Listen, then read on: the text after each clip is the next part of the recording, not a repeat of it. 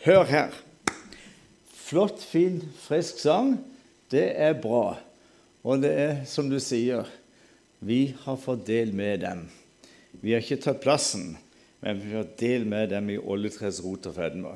Det er jo ligger i samme spor. ikke sant? Det er jo romerbrev 11. Og skjer, men jeg vil ikke ha, jeg vil ikke ha diskotek her inne. Hvis jeg, vi er lysets barn, ser det det? Du, jeg har vært nå over nyttår så begynner jeg på mitt 40. år som reisende. Rekafant fra Sørlandet. Og jeg sendte nylig en melding til kona mi her, var det i går, tror jeg det var. Jeg er på ei festreise over hele Mørekysten. Det er fantastisk å treffe så mange glade, takknemlige mennesker. Det er virkelig sant. Og det er ikke lett å trekke folk ut på møte nå. Det er så utrolig mye som sier. Og nå før jul er det jo julekonsert i all verden av variant ork eller som kommer og tar ut på møtene mine. Og nå har jeg grunnen støvsugd Sunnmøre, så i morgen skal jeg til Nordmøre. Nei, men eh, veldig kjekt å se det alle sammen. Og vi bruker ikke tid på min tjeneste. Det er helt eh, irrelevant for det du kommer for å høre. Får jeg håper da, tror det. Men han sa noe utrolig flott. Navnet hans spiller ingen rolle. Men han sa noe som gikk rett inn i hjertet mitt. Det er, det er ikke noe bibelvers, det er ikke noe mannekorn, men det er en veldig flott sånn sats. Og da sa han som følgende Må du lytte godt, skal jeg prøve å snakke seint. Prøve, hørte du det? Prøve. Hør. Jødenes blotte eksistens presser frem Guds nærvær. At det fins én jøde igjen på jord. Bevis. Gud og hans sønn Jesus Kristus lever. Sitat slutt. Du skal få det en gang til, for jeg syns det der, der var altså, Der hadde han fått tak på hele poenget, egentlig. En gang til. Jødenes blotte eksistens. At det finnes, at det er noen igjen. Jødenes blotte eksistens presser frem Guds nærvær. At det fins én jøde igjen på jord. Bevis.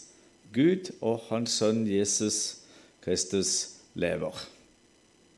Sitat slutt.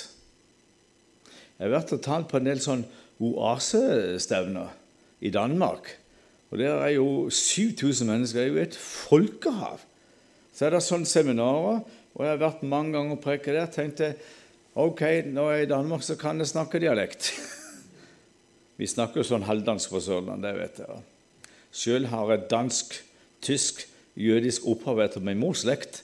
Så jeg, jeg, har en veldig sånn dragning ikke bare til Danmark, men aller mest til Israel. Der har jeg vært 80 ganger i løpet av en 45 år. Så du blir litt sånn kjent med både forhold og ting. Men det aller viktigste er dette, som Jesus svarer når disiplene spør kan du gi oss noe tegn på tid du kommer igjen. De visste hvorfor han kom. Han hadde fullført Golgata-verket. Han tar de i enerom. Han er sammen med de på Oljeberget, liksom rett opp forbi Getsema et eller annet sted. Kedrondalen, altså oppå på Oljeberget. Og så spør de han rett ut. Sitter de ser utover tempelet, og de får jo sjokk når de får høre at tempelet skal ødelegges. Det skal ikke bli stein tilbake på stein, og det ble det. Det ble totalt ødelagt. Den biten røver ikke nå. Men så svarer han som det var, skal det bli. Og når du ser Jesus svarer, som er gjengitt i fire svære kapitler, da, det er jo Matteus kapittel 24. Og Så er det Markus kapittel 13, og så er det Lukas kapittel 17, og så er det Lukas 21. Lukas han var jo lege i Jerusalem. Han fikk med seg alle detaljer. Jeg tror leger kanskje lytter mer, ser og lytter mer enn andre. De, de fanger iallfall opp. Du går til en lege, du, du, du kan ikke 'Å, hva kan det være, doktor?' Om alle vondtene. Så kan kanskje legen stille en, en eh, en sånn diagnose pga. det du ikke sier, pga. kroppsspråket ditt. Men han fikk med alle detaljer. Og han fikk med en veldig spesiell detalj om det jødiske folk. Og det står i Lukas 21, 17. om det folket som vi er samla om her i kveld. Ikke sant? Der sier Jesus dere, altså om, kun om jøder som folk, dere skal legges for hat av alle etniske folkegrupper for mitt navns skyld. Og Han skrev det jo på gresk. ikke sant? Han pro, Lukas han var proselytt. Han var tilhenger av jødedom. Han var ikke jøde sjøl, men han var jo med Paulus på misjonsreisene. Og Han skriver jo da, som hele store del av kristenheten, blir oppmerksom på akkurat om en måned til. da. Et barn er født i Betlehem. Faktum est. Og det skjedde. Det er et faktum at Jesus er født. Det er sånn det begynner. Og det skjedde. Faktum est. Det har skjedd. Da er vi rett i juleevangeliet. Ikke nå. Men vet du, han sier så til de grader konkret. Epi, ep, et, etnos. Så detaljert skriver Jesus. Alle etniske folkegrupper skal legge hans eget folk, ikke nødvendigvis om de er i Israel, men overalt. De skal legges for hat for mitt navns skyld, sier Jesus. Et eksempel. Jeg har en, et hav. Det skjønner du sikkert. Det er jo halve livet mitt å reise rundt og holde disse tingene varme. Men det har jo vært noen konflikt i Gaza. Raketter som kommer Ja, det der kan du utenat. Men det var nokså heftig i den første Gaza-krigen, hvis du husker det. Det var i romjula 2007 inn i 2008. Da var det heftig. Da fikk jeg oppring av diverse menigheter. Ikke annonser. Og hvis du kommer og vi annonserer, så vil de smadre alle våre vinduer. Det var altså en hatstemning. Og det var nede på Sørlandet. Rundt Kristiansand jeg skulle ha møte. Ikke annonser. Vi bruker sosiale medier. Du bruker ikke avisen. Vi har lyst til at alle vinduer like hele når du har møte her. Og utenfor har det politivakt med schæferhunder. Da, da, er det heftig. Det er sjelden. Men vet du hva? Så tok en journalist tak i dette her. I en stor Oslo-avis. Tenkte, det kan jo så var det noen i Israel eh, ikke sant, friker, som jeg sier, som er veldig sånn forsvarer Israel nesten i ett og annet. Og så tenkte jeg de er jo helt sprø, disse her Israel-vennene. De, de, går jo og skafter bare det er noen som rører seg her, så er de på banen. Ok? Så gikk han over et gangfelt i Oslo sentrum, oppe med universitetet og uh, Nationaltheatret i, i, sentrum av Oslo. da. Så tok han på seg en keeper, en sånn jødisk kalott, ikke sant? som, som sitter her. Så gikk han over gangfeltet. Han kom ikke langt. Så hagla skjellsord mot han. En tilfeldig norsk journalist. Han bare tok på seg en liten kalott. Så tenkte han, og så skrev han det må være noe med dette folket. Jeg tok kun på meg en liten sånn kalott, og så ble jeg benka ut med en gang. Du er jøde. Så hagla det skjellsord. Da begynte han å forstå. Selvfølgelig han kjente ikke det Jesus sa. Det, det kan godt være han er blitt oppmerksom på det, men det er jo dette her. For mitt navns skyld skal dere legges for hat av alle etniske folkegrupper. Og I dag er det ingen norske jøder i Oslo som tør vise at de er jøder. Ingen tør gå med sånn chai, det er jo det, det jødiske symbolet som mange har i halsgropa, eller davidstjerna. Ikke tør de gå med keeper, og ikke tør de vise noen ting. Eller hvis de har sånn, ikke sånn, sånn lange lokker, hvis de er sånn ortodokse og ultraortodokse. Alt er skjult. For eh, de har opplevd at eh, det koster å være jøder. Og ingen blir mer forfulgt og trakassert enn norsk jøde i norske skoler i Oslo. Hvorfor det? For mitt navns skyld, sa Jesus. Kan du forklare det? Jødene pines. Nå tenker jeg ikke på israelsk jøde, men overalt, altså. De pines og plages og lyves og trakasseres og hykles og boikottes. Du kan dra linja lang du vil, altså. Det er ikke pga. noe de har gjort eller ikke har gjort, pga. noe de er. De er en eiendom av Jesus. Det sier han sjøl. Nå skal jeg lese bare ett vers som er så til de grader konkret. Du vet Paulus sier i Romerne 15, vers 4. Og det gjelder oss, til oss. Han skriver til den kristne, nydanna menigheten i verdens begynnelrom så skriver han i Romerne 15, 4. vers. Alt som før er skrevet, det er skrevet ned for oss. Der finner vi håp, trøst og tålmod. Og når Paulus underviser på Areopagos, det er den der slangesiden som går opp til Akropolis, det fjellet som ligger i Aten. Der er jo Akropolis. Så kan du gå opp der, og så så han at de tilba masse avguder. Ikke sant? Masse av disse greske gudene. Men så ser han de tilber en ukjent gud. Og Paulus var jo en dyktig pedagog da. Så tar han tak i han. Det er han jeg forkynner. Og da ble de interessert. Så de lurer på liksom, hvem er du? Ja, så presenterer han seg. Ikke sant? Han var romer, statsborger og alle disse konkrete ting som ikke du kunne gjøre noe med. Men så sier han litt mer detaljert enn da han skrev til menigheten i Rom. Så sier han hele mitt folks historie er skrevet ned for oss, og så henger han på for hvem de siste tider er kommet, så at ikke vi skal ha lyst til onde som de hadde. Og Da speiler han dette på de måtte 70 år i en advarselsperiode i Babylon, for de hadde brutt etter Josef fylka stammene og inntil Nebukadneser kom, 490 år etterpå. Og hvert syvende år i Israel står det i Mosebøkene, det er et sabbatsår. Jorda må hentes inn igjen. Ikke sant? Den blir utarma. Men så brydde det seg verken om landbrukslover, eier Gud i kunnskap eller kjennskap, og så bruker Gud verdens mektigste leder i verdens første superstat. Egypt var ikke noen supermakt. Det var heller ikke det syriske riket. Men Babylon ble verdens første superstat, et imperium. Og der ble en jødestatsminister. Han heter Daniel. Nå legger vi det bort. Men vet du hva? Så forteller han hvorfor de var akkurat 70 i Babylon. De hadde misbrukt nøyaktig 70 sabbatsår. Det måtte de ta konsekvensen av. Han så ikke vi skal ha lyst til det onde som de hadde. Det er derfor Israel det jødiske folk er en demonstrasjonsnasjon og et demonstrasjonsfolk til alle tider. For Gud han har sannelig vist at han har holdt ord med minusfortegn for, det jødiske folk. De har lidd mer enn alle andre folk til sammen. Han har vist i, på og gjennom og overfor sitt eget folk at han er en hellig Gud. Han er ikke bare en kjærlig. Det er han òg. Og han har, de har jo sannelig fortørt seg. Og Jesus sier det, det er jo for mitt navns skyld. Men nå må du lytte på ett vers i 5. Mosebok kapittel 7. Det er i hundrevis av skriftsteder vi kunne gå løs på, som går i samme spor. Men nå skal du høre hva det står her. 5.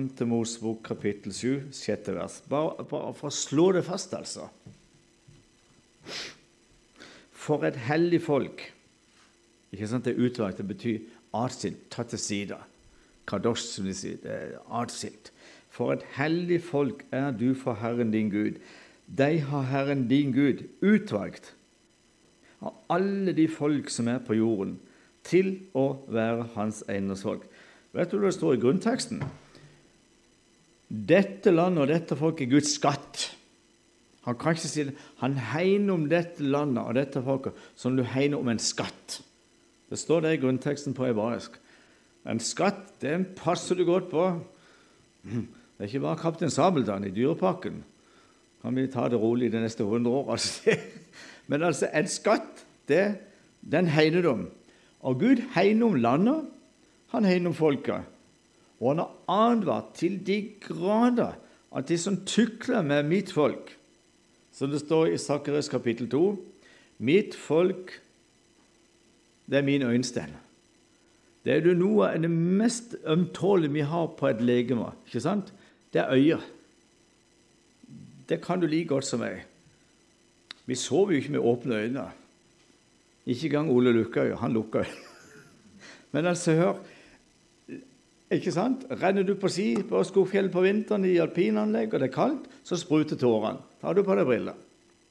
Øyet må ikke bli nedkjølt.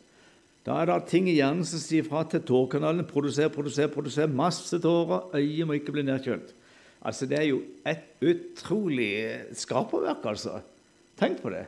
Jeg har gått fjellsikringstjeneste i Rondane i minus 46 grader effektiv på hud. Da måtte vi kunne ABC om fjellregler. Og pass på kroppen og ikke minst øynene. Da Øyelokkene frøs fast når de blunka. Måtte bruke makt for å få dem opp. Men jammen altså klarte tårene å holde sånn noenlunde synet oppe. Det er jo utrolig spennende. Det bruker vi ikke tid på nå. Men nå skal du høre hvor farlig det er tukle med dette folket som Gud kaller for sin øyensten. Og det står i en liten profet.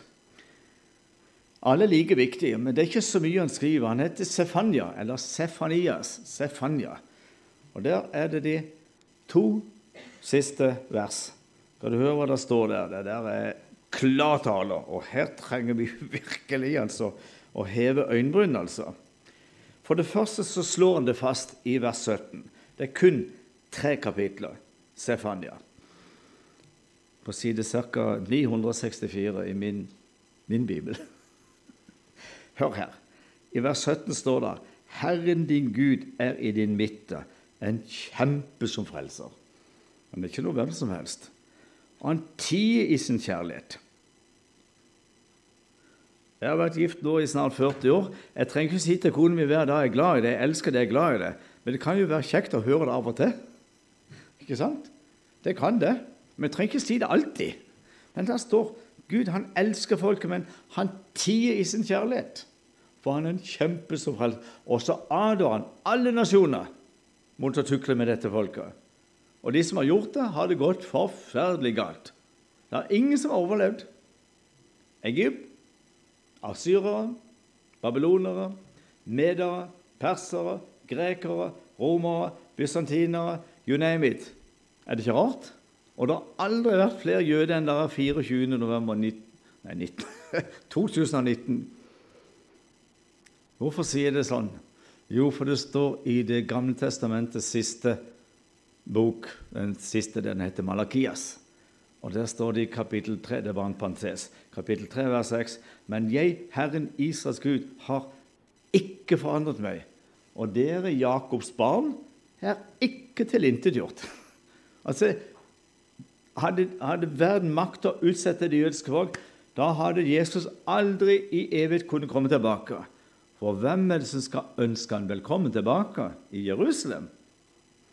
Det er jo hele hensikten at han samler dem. Men den biten tar vi ikke nå. Ikke riktig ennå. Hør her. Det står noe i de to siste vers. Det er Sefranias 3, og så er det det 19. og 20. vers. Det er noe vi skal få øye på, og her er vi i dag, altså. Vi må sannelig passe Og det norske folk vi ligger tynt an. Tenk på Oslo-avtalen og alt dette vi holder på med. Er ledere i giverlandsgrupper. Det er så du kan ja, grine. Hør hvordan begynner verset. Se! Så bra det var det tenkte. Du er sikkert der med en gang. Helt rett. Jeg skal lese det. Jeg bruker min, min, min, utgave her. Se, jeg skal på den tid ha med alle dem å gjøre som har plaget deg. Og så ser han det vi opplever nå. Jeg vil frelse det haltende og sanke det bortrevne. Det er jo det han gjør. I forrige måned passerte staten Israel 9 millioner innbyggere. Og 82% av alle som bor her, er israelske jøder. Altså de resten er etterkommer alle tolv stammene. Så sier han her Jeg vil frelse det haltende og sanke det bortdrevne, og jeg vil gjøre dem til pris og til ry over hele jorda, hvor de er blitt så vanæret. Vers 20. Hører du jo før meg. Bra. På den tid vil jeg føre dere hit. Han sitter her og skriver det. På den tid vil jeg sanker dere. I dag snakker de iallfall 135 språk i staten Israel. Og Israel er 18,2 ganger mindre enn lille Norge. Du kan stort sett legge Israel i Gudbrandsdalen. Fra Minnesund over Dovrefjell og ned til Oppdal. Det er en utrolig liten nasjon, men hele verden er oppmerksom på den. Stor eller liten, den har de hørt om. På den tid vil jeg føre dere hit. På den tid vil jeg sanke dere, for jeg vil gjøre det. Nå kommer Guds frelses historiske plan. Nå blir den eksponert for hele menneskeheten. Først sier han at jøden skal bli til pris og til ry over hele jorda. De er blitt så vanæret til alle minusfortegn. ikke sant? Men nå står det På den tid vil jeg føre dere hit, på den tid vil jeg sanke dere. Altså er Gud som henter dem hjem. Jøden skjønner det jo ikke sjøl. Jeg snakker med så mange, de forstår ikke, men de må det, altså. Gud sanker dem. Han skal lokke dem, og han skal jage dem. Sånn er det. For jeg vil gjøre dere til ry og til pris blant alle jordens folk. Når tider? Når jeg gjør ende på deres fangenskap for deres øyne, sier Herren. Nå skal du bare få litt historikk. Det er vi nødt til å ta siden jeg satte opp et tema som heter 'Israels kamp har åndelig karakter'. Og Vi vet at Israels Gud er en utvelgende Gud, og han har jo ikke utvalgt dette folket uten en grunn. Veldig klart står det i Davids svære bønner i Samuelsbøkene at Gud har valgt ut et folk for en spesiell hensikt. Han skal eksponere sin frelseshistoriske plan i nasjonen med Jesus, og så skal han spre folket sitt for alle verdens kanter, mens nådens evangelium forkynnes over hele jorda, og så skal han hente det hjem igjen. Og så konkluderer han når Dette her er komprimert stoff, altså. Så sier han i Romerne 11 og på følgende måte skal hele Israel bli frelst, som skrevet der, fra Sion skal lov utgå, og Herrens ord fra Jerusalem. Altså Messias kommer tilbake. Og Da skal han bære alle titler du finner i hele Bibelen. Da får han tittelen Kongers konger, Herres herre, Løven av Juda. Han skal styre verden med jernstav. Og Hvis det er noe verden trenger i dag, det er at Jesus kommer tilbake og setter alle ting i rett sikk. Så da det programmet Mikael Gorbatsjov. Han er jo snart 90 år. Han med den store fødselsmerket oppi, oppi hodet. Det er noe av det mest spennende intervjuet jeg har hørt på en, en person noen gang. Han er jo en kristen. Han og paven oppløste Sovjetunionen over en natt. Da tenker jeg bare på én ting. Gud innsetter konger. Han avsetter konger. Han bøyer deres hjerte som vannvekker. Da var timinga inne. Da hadde de stått med plakater på russ, sovjetiske ambassader over hele jorda med samme språk som Moses talte mot sin farao, for Moses var jo prins. ikke sant? Han var jo oppe i det politiske systemet. I 40 år var han. Han kunne jo alt om politikken i innenriks og utenriks. Han kunne alt. Men så går han, for nå er Guds time der. Let my people go. Han sa ikke det. La mitt folk være. Men det vil ikke fare. Så har du det samme om igjen for 30 år siden. De sto med, med russisk foran sovjetambassaden med akkurat det samme. Og så skjer det i vår tid. 30 år siden. Da kom glasnost og perestrøyka. Vi begynte å lære russiske ord. Men vi visste hva da? Det har med frihet å gjøre. Og da har vi sett i ettertid. Det måtte si. Nå var Guds timingen der. Inn med evangeliet og hjem med jødene. Det er jo det vi holder på med. Vet du hva han sa? Så lenge fra Lenins dager opp til Leonid Bressens dager var ca. 90% av hele Sovjetunionens innbyggere de var ateister og ihuga kommunister. Hør hva han sa nå. Nå det, er jo bare herlighet, det er tre uker siden tror jeg jeg så på det. Nå er 90% av det russiske folk de tror på Gud. I russiske militærforleggene stuper de for å få tak på bibler når det kommer kartong inn med russiske bibler. Det gjør de norske militærforleggene òg. De er stup for å få tak på en bibel. Hungeren driver de. Les hva det står i Amos øh, øh, 8,11. Det skal komme en tid. Det skal sende tørst. Ikke etter vann. Hunger, ikke etter brød, men etter å høre Herrens ord. Det der kan være en bønn for det norske folk. Amos 8, 11. Det skal komme en tid, og det gjelder naturligvis dette folk, men sannelig trenger vi be den bønnen utover det norske folk. Og hvis det er noe vi trenger i dag, så er det bibeltro kristne. Ledere, politikere, bibeltro prester, bibeltro minnesteder. Det er ikke alle som er det, vet du. Jeg vet hva jeg snakker om. Jeg har kjempa med teologi i 40 år, altså. Det er så du kan Ja, det, det kan du, altså. Men hør nå godt etter. Vi lever i en tid når vi ser det er disiplene til Jesus om gi oss noen tegn på tid du kommer igjen. Alt har vi da.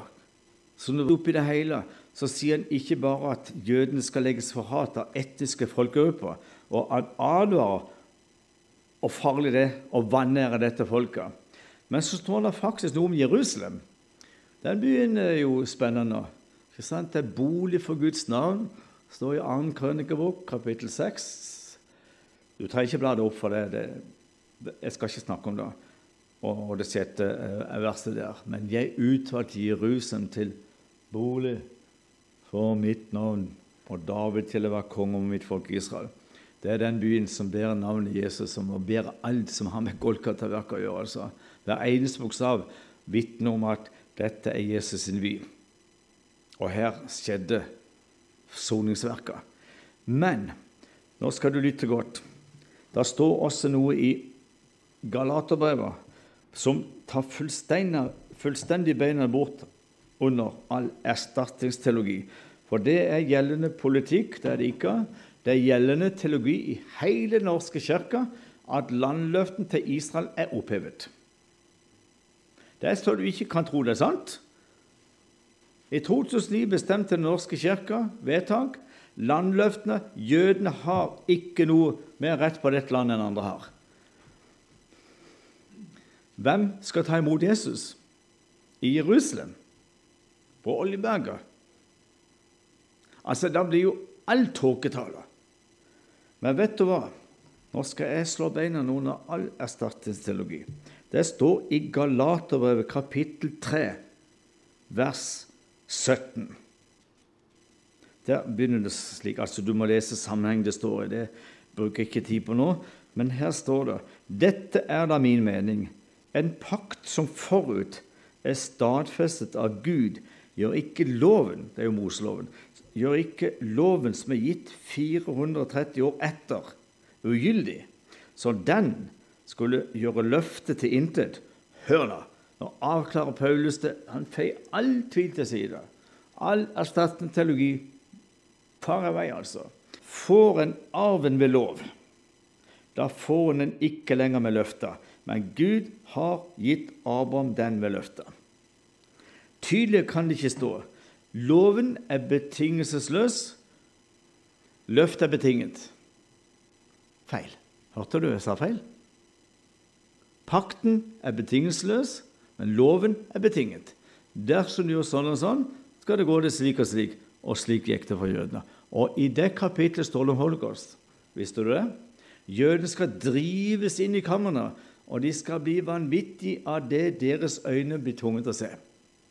Holocaust betyr brennoffer. Har ikke noe med krig å gjøre. Det er det ypperste av ondskap som en folkegruppe på jord, jordkloden er blitt eksponert for. Og djevelen visste jo at nå er Gud kommet så langt i sitt frelses historiske plan. De har vært gjennom alt det de har vært igjennom, ikke sant, med alle disse verdensrikene som ikke tar tak her og nå. Men vet du hva? Alt det de har opplevd, og ikke forsvinner. Som Malakia sa, det er ikke forbi med Jakobs barn, for jeg har ikke forandret meg. Det er ingen skiftende skygge. ikke sant? Han er hele tida. Jesus er i går, er i dag, er i morgen. Han kan ikke gå tilbake på løftene sine. Det er han ikke til å stole på. Et eksempel. Tenk om det var én profeti, ett løft han ikke makta å holde eller oppfylle. Det er jo i hundrevis av profetier. Én profeti ikke makter og sikker er du da på din personlige frelser. Da var du ikke til å stole på. Men Jesus er amitai. Det er jo et hebraisk ord betyr sannhet. ikke sant? Summen av alt Guds ord er amitai. Han er sannhet enn, han er vei enn, og han er livet. Alt dreier seg om han. Han er til å stole på. Og Gud har faktisk satt universets lover, sol, måne, stjerne, havets brenning, som garantist. Så lenge sola skinner, månen og stjernen lyser, havets brenninger bruser, så lenge så disse naturlovene står ved makt Nå skal jeg lære deg noe. Her har vi fem fingre. ikke sant? så, så har jødene pakt på landet. De har fått det ved ed. De har fått jussen, retten. De har fått det som arv, og de har fått skjøte på det. Kona mi lærer mye rart. Men hun har lært meg en sånn tommelfingerregel. Jeg skal lære deg det du sier på alle dine møter. Hold opp fingrene og si 'Per sa', ikke Pål. Per sa. Ja, pakt, ed, rett, skjøte av. Det er kun jøden som har det. Og han stiller universets lover som garantist. Det står i Jeremias 32. Så lenge sola skinner og månen og stjernen lyser, og så lenge som vi kan padle ikke sant? Vi er så glad i å padle, Så lenge vi kan gå på sjøen, og det er bølger, så lenge har jødene krav på det landet. Nå fikk vi litt sånn interesse. Hør hva Esaias skriver i kapittel 60, vers 21. Det høres nesten litt sånn pussig ut. Men det er jo dette djevelen er så utrolig klar over, at det er ingen andre som har krav på dette landet. Hvor lenge skal de ha det? Skal du høre? Her er den store teologen i Jerusalem som sier det rett ut i det vi kaller for trøsteboka. ikke sant? Kapittel før og ut. Det kalles for trøsteboka i Esaias. Det er den største teologen som Gud har fostret i Jerusalem. Så står det her, vers 21. Det kan du bla opp. Du. Du, du, du ligger jo i løypa foran Arvid her. Det er bra. Og ditt folk, de er alle sammen rettferdige. Til evig tid skal de eie Erets, eller landet. De er jo en kvist som jeg har plantet, et verk av mine hender, til min ære. Det er altså krystallklar tale. Men så er det en som er ute etter dette folket. Og Da skal du bare få noen tanker. Da skal du begynne å skjønne. For nå er det bare en måned til, så får du det friske minnet igjen om kong Herodes og de vise menn. De var jo astrofysikere. De kjente Mosebøkene, for de lagde masse kopi, jødene, mens de var i Babylon. Og der hadde disse astrofysikerne sett astrofysikere. Herlighet. Ikke stjernetyd, men de, de, de, de, skjønte at det er orden i kosmos. De hadde lest i Fjerde Mosebok at det kommer en konge i Juda, her i Jødeland. Og så står det i en sum der. Jeg ser ham. Det er sterk kost, altså, men det er så klart. Jeg ser ham, men ikke nå. Jeg skur, men ikke nær. En stjerne stiger opp over Jakob. Må du lese det. Der, og så begynner de å regne ut. Så begynner de å se på Saturn, så ser de på Jupiter. For det er to planeter som har med jøde og hedninger å gjøre. Visste du det? Nå vet du det. Veldig spennende. Og syv år for, før vår tidsregning sto Jupiter og Saturn på én linje over Midtøsten, eller over Østen, eller Indre Middelhavsbasseng. Og to ganger det året der Vi er jo litt feil. Vi er lenger enn 2019 etter Det bruker vi ikke tid på. Men de begynte å regne ut nå, fødes, nå skal det fødes en konge Juda. Over Jakob ikke sant? det er jo et annet navn på Israel. Så la de ut på en reise som er nesten 90 norske mil. Og De hadde verken GPS eller ingen verdens ting, men de, de fulgte kongeveien, Silkeveien. Så kom de fram akkurat til tider. Og så går de til Herodes den store. Du vet, Det er tre Herodeser. Vi mikser ikke det nå. Men han som ville myrde Jesu barna. Så kommer disse astrofysikerne til Jerusalem. Og så eh, får de snakke med kongen, og kongen blir jo redd. For han, de sier det til disse vise menn, som vi sier. De kommer med gull, røkelse. Det her kjenner du. Det ligger jo i julesangen. da. Men hør, de spør hvor er den jødenes konge, som nettopp er født. Vi har sett ham stjerne i Østen. Da blir han redd. Jeg har jo fått en konkurrent. Kong Herodes. Han var en for det første var han jo en, en dyktig ingeniør. Han var bygningsingeniør. Han var jo rene arkitekten, altså. Her med tid var han bygde. Ja, glem det nå. Men han får en konkurrent, og hva gjør han med dette? Jo, han samtaler med prestene som er kjent i Guds ord, og så gransker de skriftene. Jo, en liten profet, Mika, sier han skal fødes i Betlehem, eller Efrata. Det er jo rett sør av Jerusalem, ikke sant? Ja vel.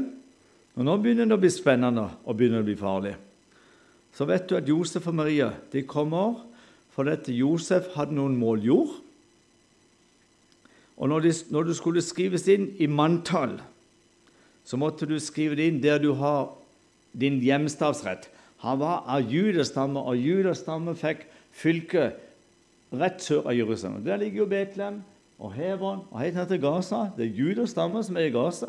Spennende. Men ikke nå. Og så skrives det inn i manntall. Og så kommer tida hun skal føde. Og så skjønner kongen at uh, det kan være to år siden han er født. Fordi de, de, de, de regner på dette, og så går beskjeden ut. For det var en stor romersk uh, militæravdeling som lå rett med Getsemane, i Kederdalen. Kan du lese om i bøkene til Josefus, den jødiske historieskriveren og generalen som levde parallelt med når, når, når den jødiske nasjonen gikk i oppløsning. Men vet du hva? Så går det beskjed inn til den, jødiske, den romerske legionen, og de får klar beskjed av kongen dra til Betlehem-distriktet og myrd alle guttebabyer under to år. Da kunne det blitt kjempekritisk. Det var jo egentlig på hengende håret, men Gud sendte to drømmer, en til Josef en til Maria. En sak skal stå fast med to vitner, står det. De skulle dra til Egypt. Da oppfylte de en profeti som er i Ann-Mosebok. Fra Egypten kalte jeg min sønn. Og navnet står der. Fra Egypten kalte jeg min sønn. Det er gjengitt i 2. Mosebok. Det var en profeti at Jesus, når han ble nyfødt, så skal han ha de første, den første tiden i Egypt. Og så skulle de være der inntil de får høre at Herodes er død. Og skulle de dra hjem, opp til Nasaret, men de dro en annen vei. og Da skjønte Herodes at han var lurt. Og så husker du alle guttebarna. Og da oppfyltes en 650 år gammel profeti. Da var det et Kan du tenke, du som er mamma, kan du tenke alle små babyer de hyler og skriker, de lærer å krype, de lærer å gå. De begynner i toårsalderen. Det er jo høyt og lavt, altså. Alle skal byrdes. Det var et hjerteskjærende. Kunne høres helt til Rama. Så ble det et ordtak et ramaskrik. Og Rama er jo med Jerusalem. Det er et høydedrag rett nord i Jerusalem. Det var så hjerteskjærende at du kunne høre det helt ut til Rama. Hør, for det har noe med vindretning å gjøre. Når Salomo hadde alle sine eh, musikere på alle disse 15 trappetrinn ut fra palasset, templer, og det var vestlig vind, så kunne de høre harpespill helt nede i Jerko. Det er som herfra ut til sentrum. Er det den veien til byen? Noe sånt. Er det ikke det? Ja, da var jeg heldig. Det er utrolig. Men altså pga. himmelretning og vindretning så kunne de høre et ufattelig hjerteskjærende skrik. Og det står i Bibelen i Jeremias boka Rakel gråt over sine barn, for de er ikke mer. Det er en profeti om alle babyer som ble myrda når Jesus ble født. At djevelen står bak Jeg skal gi deg et annet eksempel, så skal ikke vi bruke så mye tid på det. Men du, jødene var i Egypt. Gosen, det beste landbruksområdet i hele Afrika. Det er mellom Nilen og Suezkanalen. Og Da begynte de å bli mange. De hadde vært her ikke sant, 400, ca. 30 år ble det til slutt. Så er det Gud bruker Moses. Men det skjedde før de 430, for da, da dro de ut. Men det som er interessant, de begynte å bli mange. Og Moses var jo vokst opp i palasset. Han ble tatt som prins der. Han var jo bare bitte liten. Og følger med hele utviklinga. Men det som er interessant for denne settinga, det er det at eh, det politiske lederskapet i Egypt gir beskjed til alle jordmødre. De skal se etter når hebraiske kvinner føder barn. Og det er blåkopi av Betlehem. Omtrent. Se etter når hebraiske mødre føder barn. Er det pikebarn de føder, la de leve. Er det guttebarn, drep de eller druk de i Nilen, alle disse kanalene som er med Nilen. Det var jo derfor Moses havnet i sjøen. Der rykte gikk inn blant alle hebreere. Og så, ikke sant, så lagde de en sånn kurv, og så sendte de den ut i sivet. Og så disse prinsessene i palasset de hører babyskrik. Så blir han tatt opp. Og det betyr jo det. Tatt opp av sjøen. Moshe. Moses. Opp av havet, opp av vannet. Og han, djevelen, viste nå er tida inne, som jeg leste i stad i Galaterbrevet. Nå skal det igjen. Nå skal Gud hente dem til det lovede land. For nå har Gud danna sitt folk i Afrika, og det er der de også utvikler språk i vritt eller hebraisk. Gjennom sånn hieroglyfer sånn, nesten sånn, runetegn. Det er jo et skriftspråk, tegnspråk. Poenget er dette. Da var det dramatisk. Drep alle jødiske eller hebraiske guttebabyer. For blant alle disse som nå fødes, må Israels redningsmann være. Kan du tenke hvor dramatisk det var? Så kom de ut. Så angrer han at han slapp de ut, for han måtte kapitulere for den tiende landeplaga, og det er forbildet på Golgata-verka. Det er sterk kost. Verdens datid, i antikkens verden, verdens eh, mektigste leder, en av disse faraoene, han bøyde seg ikke for én, to, tre, ni landeplager. Til slutt så forherda han seg, og så forherder Gud hjertet, og så sender Gud den siste plagen. Og det er forbildet for Golgata-verket. Så sier han til hebreerne de skal slakte et lam, lytefritt, årsgammelt, hannkjønn. De skal sjekke det, undersøke det i ti døgn. Det skal være helt lytefritt, plettfritt. Og så skal de slakte det. Så skal de ta blodet, stryke på tverrliggeren og på dørstolpene. For denne natta skal jeg sende dødsengelen gjennom Egypt.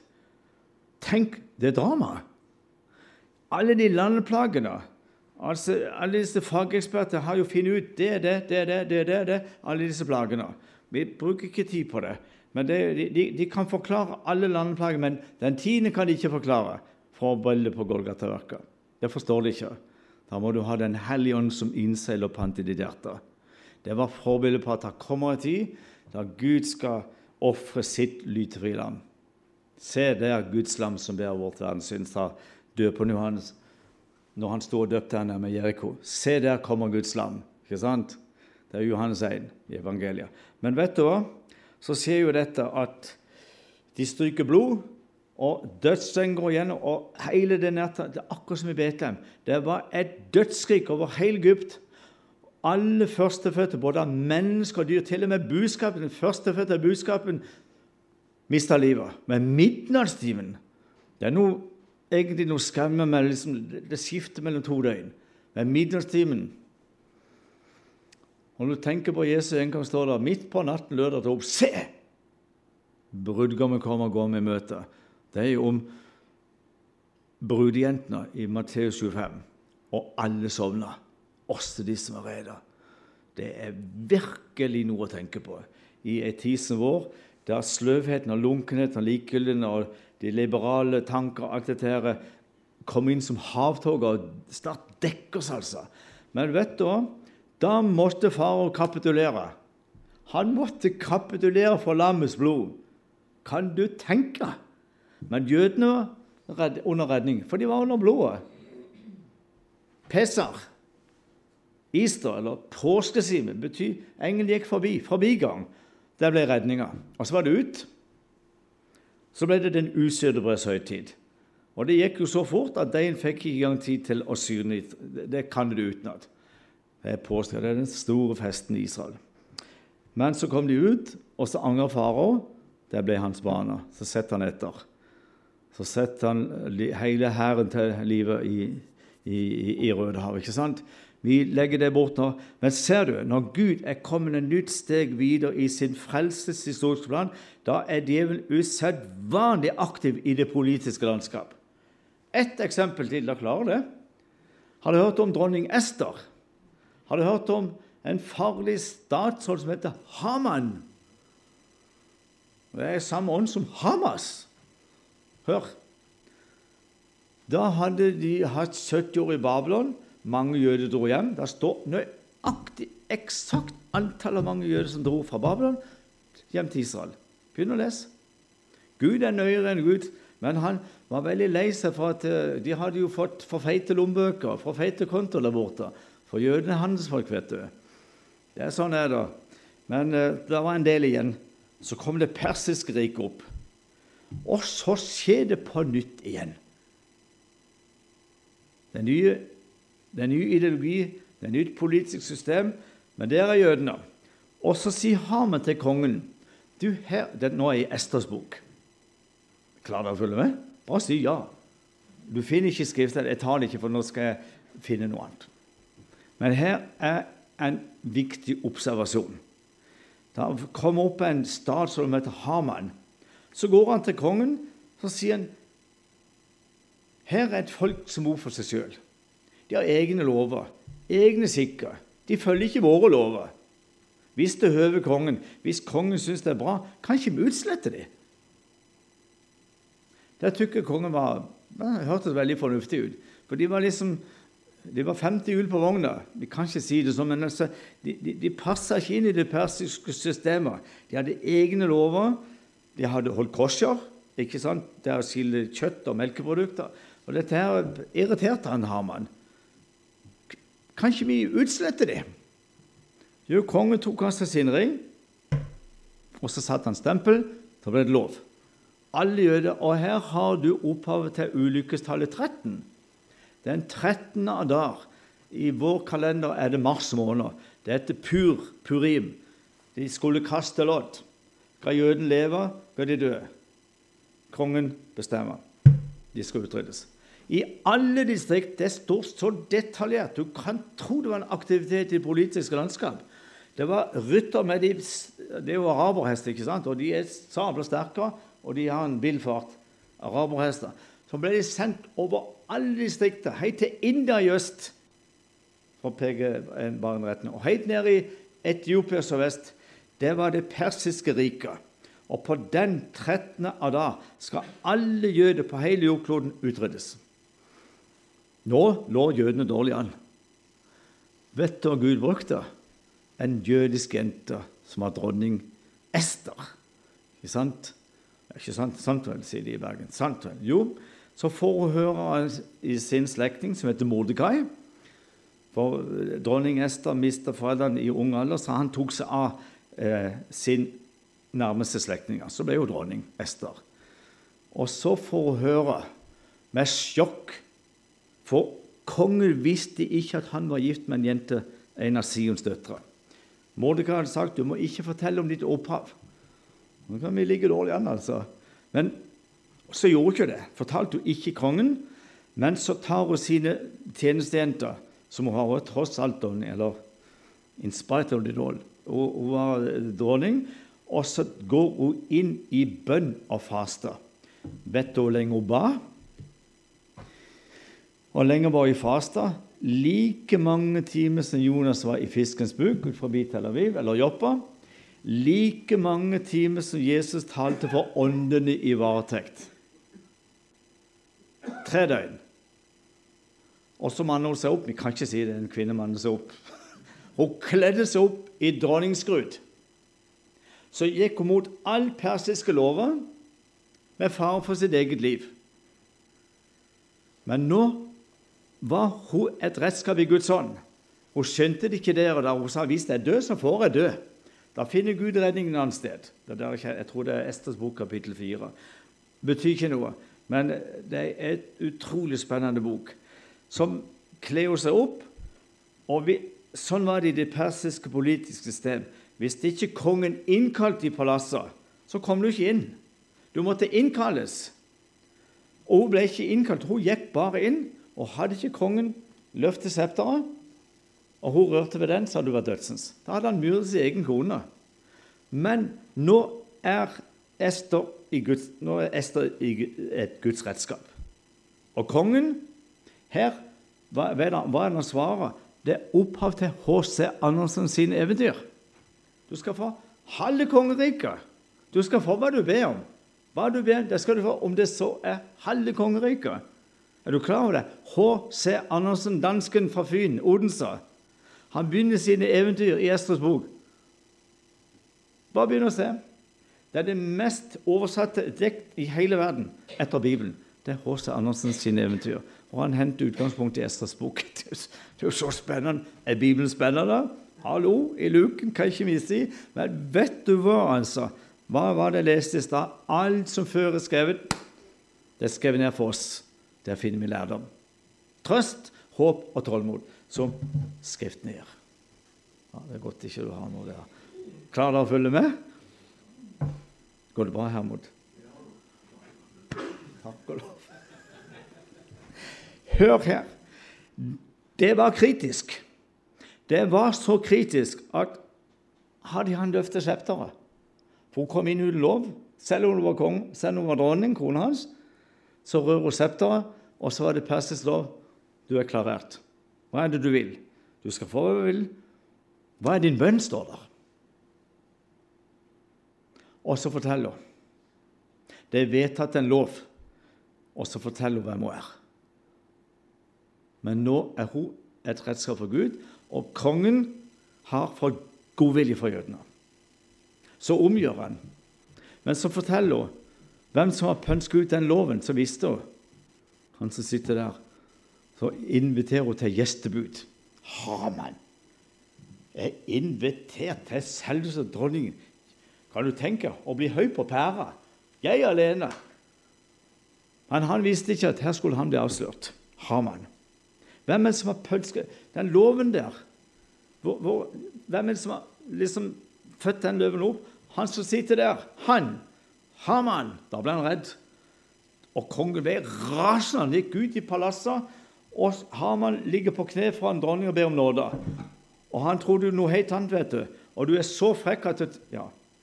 ble han hengt, og alle guttene hans. Poenget er dette. Her var det på hengende hår at alle jøder på hele Lokollen ble myrda. Og vet du, det står to kapitler etter, jeg tror det er Esters bok kapittel 9, det der dere er, for å si det rett ut, folespennende. Hallo? Det er mye mer enn det. Vet du hva? Så ber hun en ny bønn. Og da er han hengt, guttene er hengt, og så ber hun en ny bønn. Men nå ber hun ikke bønn til mannen sin, nå ber hun til Gud. For da står det 'Hva er nå din bønn?' Leser du den hebraiske grunnteksten bokstav for bokstav, så henvender hun seg ikke til kongen, men hun henvender seg til Gud. Og så svarer han, for han er skjult til stede i Esters bok. Det er så spennende. Guds navn er ikke nevnt ett sted i Esters bok. Tenk på det. Men han er skjult til stede. Det som jeg sier, Han er attåt. Han ligger i kulissene og styrer. Han holder tømmene. Så be hun en ny bønn, så får hun svar. Alle som har samme tanke om jødene. Det skal gå de helt likt. Det hun får som svar, er Nürnberg-prosessen i Tyskland 16.10.1946. Det er altså ikke du kan tro det er sant. Tyskerne de skjøt folk, de hengte ikke folk. Men hun får som svar alle de som har den endelige løsning altså Da er det jo tysk de endeløsning, løsning, ikke sant? Samme tanke som har man om jødene. Om det er der eller ute i verden, det skal gå de helt likt. Haman sine gutter ble hengt. Haman òg. Det skal gå akkurat slik med Haman og hans sønner. Skal det gå med de som har samme mål, eller samme tanke om jødene. Og Det ble bestemt i Wannsee-konferansen i Berlin i januar 1942. Den endelige løsninga. De endeløsning. Ja vel, da var de egentlig dødsens, uten at de forsto det.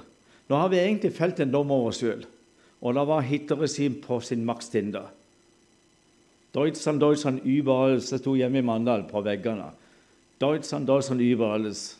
Tyskland seier på alle fronter. Ingenting så ut til å kunne stoppe tyskerne. Men Gud hadde sett at de har en tanke alle jødene skal bort.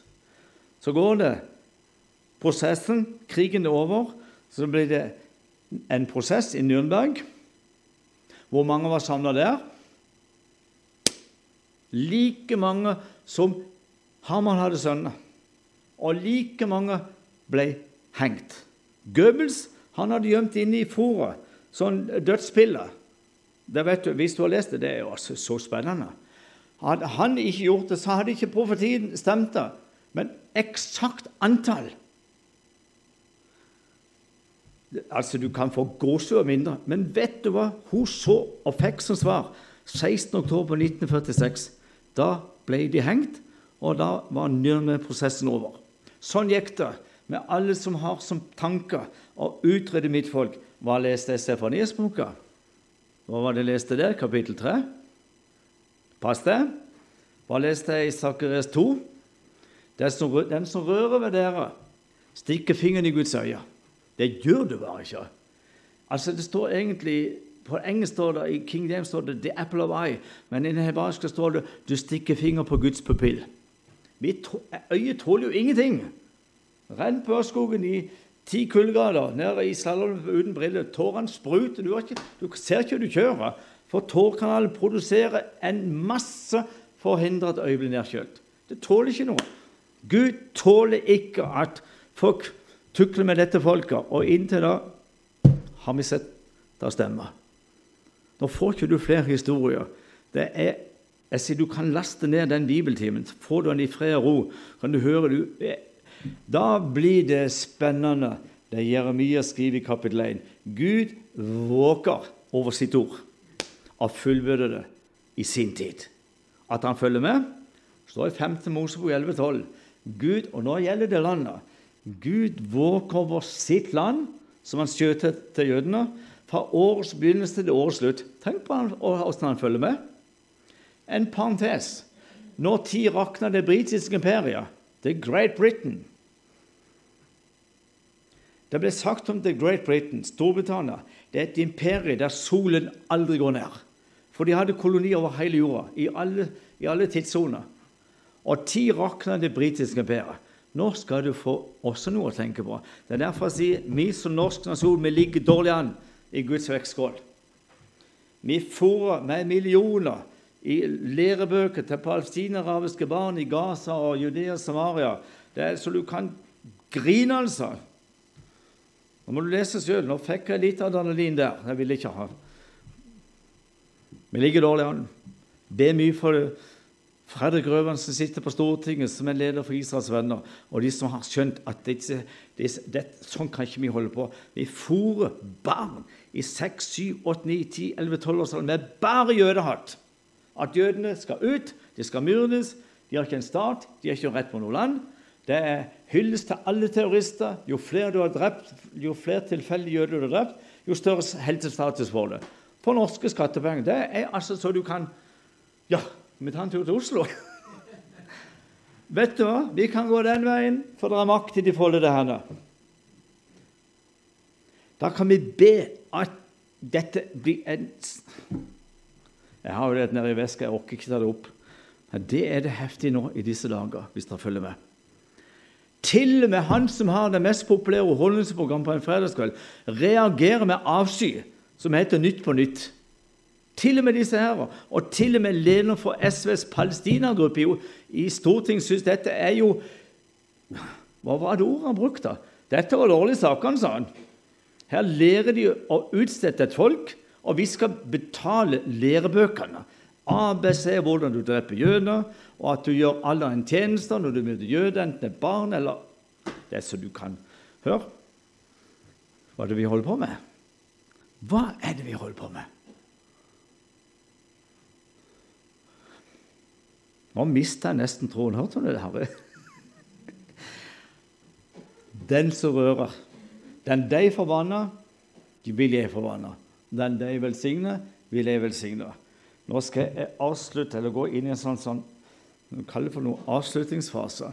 For dette her er Jeg satt opp et tema. Israels kamp har åndelig karakter. Og det er ikke bare dette, disse eksemplene fra farao Herodes ville myrde guttebarna. Haman ville utrydde alle jødene. Og dette med Hitler ville utrydde alle jødene. Den endelige løsninga. Djevelen er usedvanlig aktiv når vet, han vet at Gud er kommet så langt i sin frelseshistoriske plan. Han henter inn fra alle verdens kanter. Da tror jo ikke djevelen at Gud skal sende Jesus tilbake. Han vet det. Hvordan vet han det? Alt stemmer. Det er over 700 skriftprofetier som vi er vitne til oppfylles for våre øyne i dag. Det er ikke lite. Det er mye. Alt er i rute. Og de fleste har minusfortegn. Men det tar ikke vi tak i nå. Nå skal du høre hvordan israelerne opplever den situasjonen de er i dag. Jeg, støtter jo to menigheter i Israel. En i Jerusalem og en i Nasred. Det er jo Jesu oppvekstby. Men så hadde jeg just besøk av en pastoren som er støttende i Nasred. Og han hadde en veldig sånn avansert mobiltelefon. Han satt hjemme i min bil. Vi var ute på kysten og så på det flotte været. Ja, det er en måneds tid siden. Og så fikk han nyheter fra Israel. Iran nå utplasserer langdistanserakett til Iran for å utslette Israel, ta de sørfra. I Jemen. Det er jo helt nærme Det indiske hav. Langt der nede. innseiling til Rødehavet. Og så har du jo, så har du jo Hizbollah i Libanon, og så har du Hamas i Gaza. Og så for de Syria med raketter. Hvis du følger med, har du sett alle de rakettene Israel har fått fra Syria? Det er en veldig, veldig farlig situasjon. Men så står det noe forunderlig i Jeremias 49, vers 32, om Perserriket eller Iran. Er du klar over det? Gud skal knekke det sterkeste våpen de har, og de skal på liv og død på død ha tak i kjernevåpen.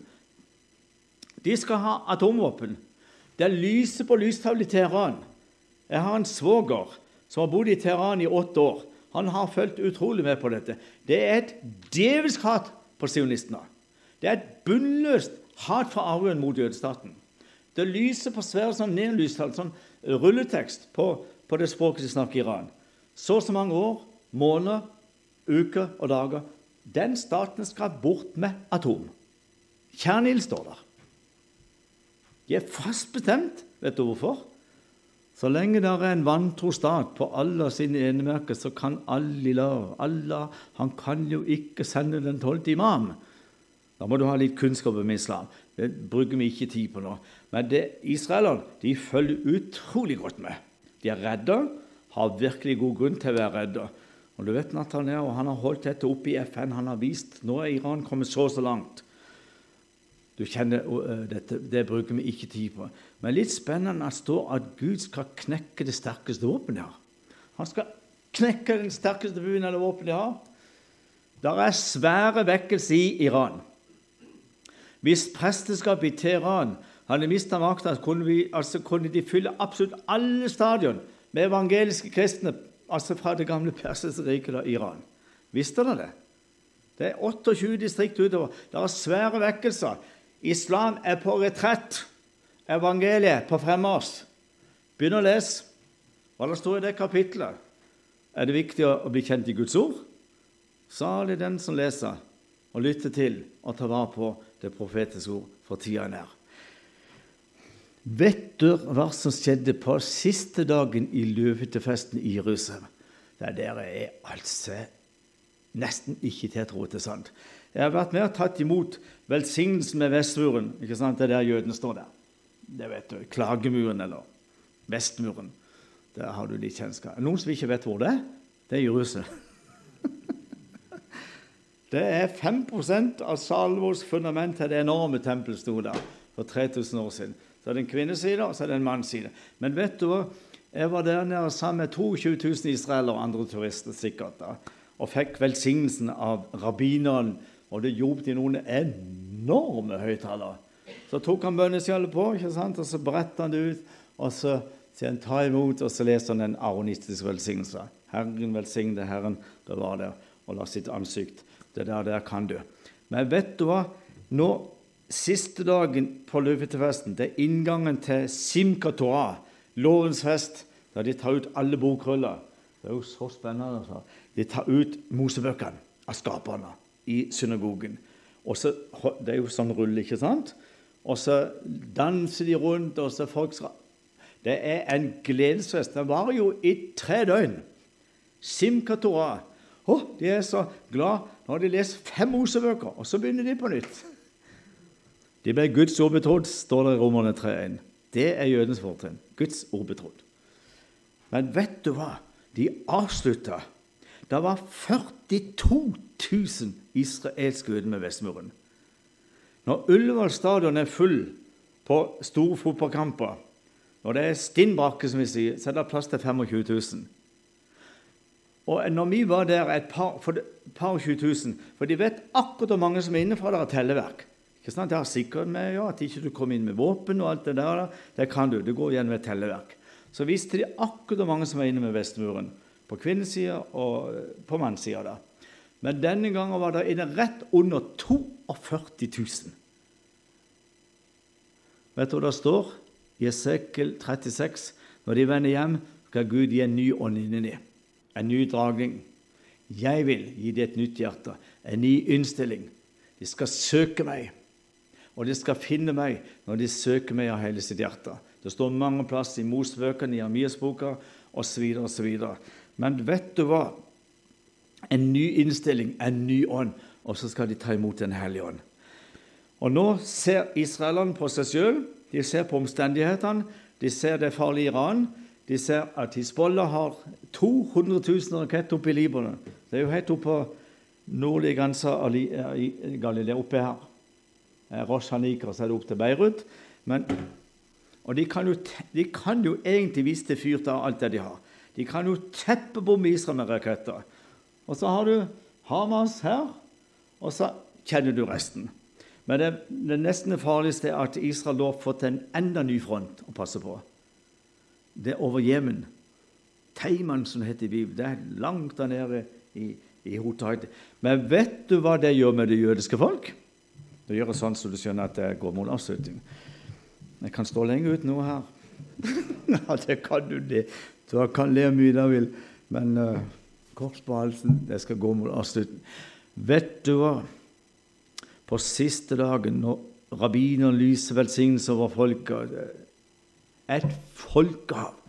Så tar Det er jo mange rabbinere der, jødiske prester. Sånn er det. Vet du hva? Så danner de ringdans, rabbiner, masse jødiske prester som styrer en sånn synagoge. Og så begynner de å synge på hebraisk. Hold det fast. Vet du hva de synger? Ut av alt det de får høre av trusler. Iran, trusler med boikott, all kritikk, alt det de får. Som Jesus sa, det er for mitt navns skyld det skal legges fra. Vet du hva det er for med dem? Det står i Salme 107. I sin nød, i sine trengsler, i sine prøvelser skal de søke meg. Veien, da er veien kort. Det vet vi. Bruker ikke tid på det. Men vet du hva de sang? De ropte på Gud og ropte om at han måtte sende en Nå, nå sier det på ekte sørlandsdialekt send oss en forløser. Nå begynner rabbinerne å rope Messias. Blant 42 000 andre jøder. Så danner de ringdans, og så synger de på hebraisk. Og mye av dette her går jo utover eteren.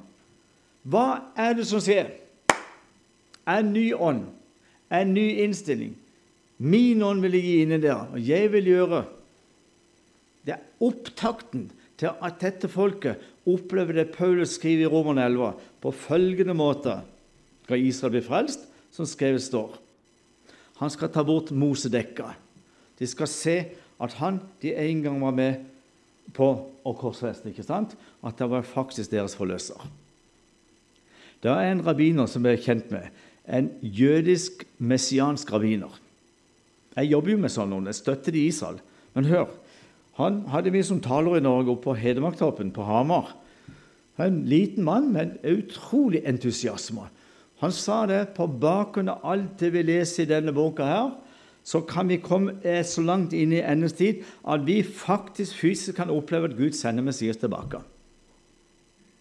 Og så sa han hvis det lever, hvis det lever, så sa han, og har muligheten og får sjansen og får snakke med ham, så skal jeg spørre han rett ut Har du vært her før? Og hør, hør her. Da kan Jesus bare gjøre sånn. Han kan bare vise det i hendene. Så har de det. Sannelig. Det er jo der. Det er jo han som er såret for våre overtredelser. Knust for missene. Straffen lå fortid. Da rulles hele Esaias 53 opp. Hele kapittelet. Det er jo Israels nasjonale vitnesbyrd. Esaias 53, det vet du. Hvis ikke du vet det, så vet du det nå. Straffen lå på ham for at vi skulle ha shalom. Og ved hans år har vi fått legedom. Vi får alle vil som får. Ventes hver til sin vei. Men Herren lot våres alles misgjerning ramme ham. Jeshua Hamasiah. Og så leser de at Gud fant behag i å smandre han, knuse han. Det er vers 10 i Isaiah 53. Da er de helt knust sjøl, og da skjønner de det er han. Og så skal de spørre han, hvor har du disse sår fra? Hvem har gitt deg disse merker? Hvem, hvor har du naglemerkene fra? Vet du, Jesus svarer. De, alle de som elsker meg, som har bruk for mitt verk, de er jeg døde for. De går jo i bakken. Sannelig, det er han. Ei tid i dag som er utover alt det vi har opplevd. Og det går så fort. Det går altså så fort.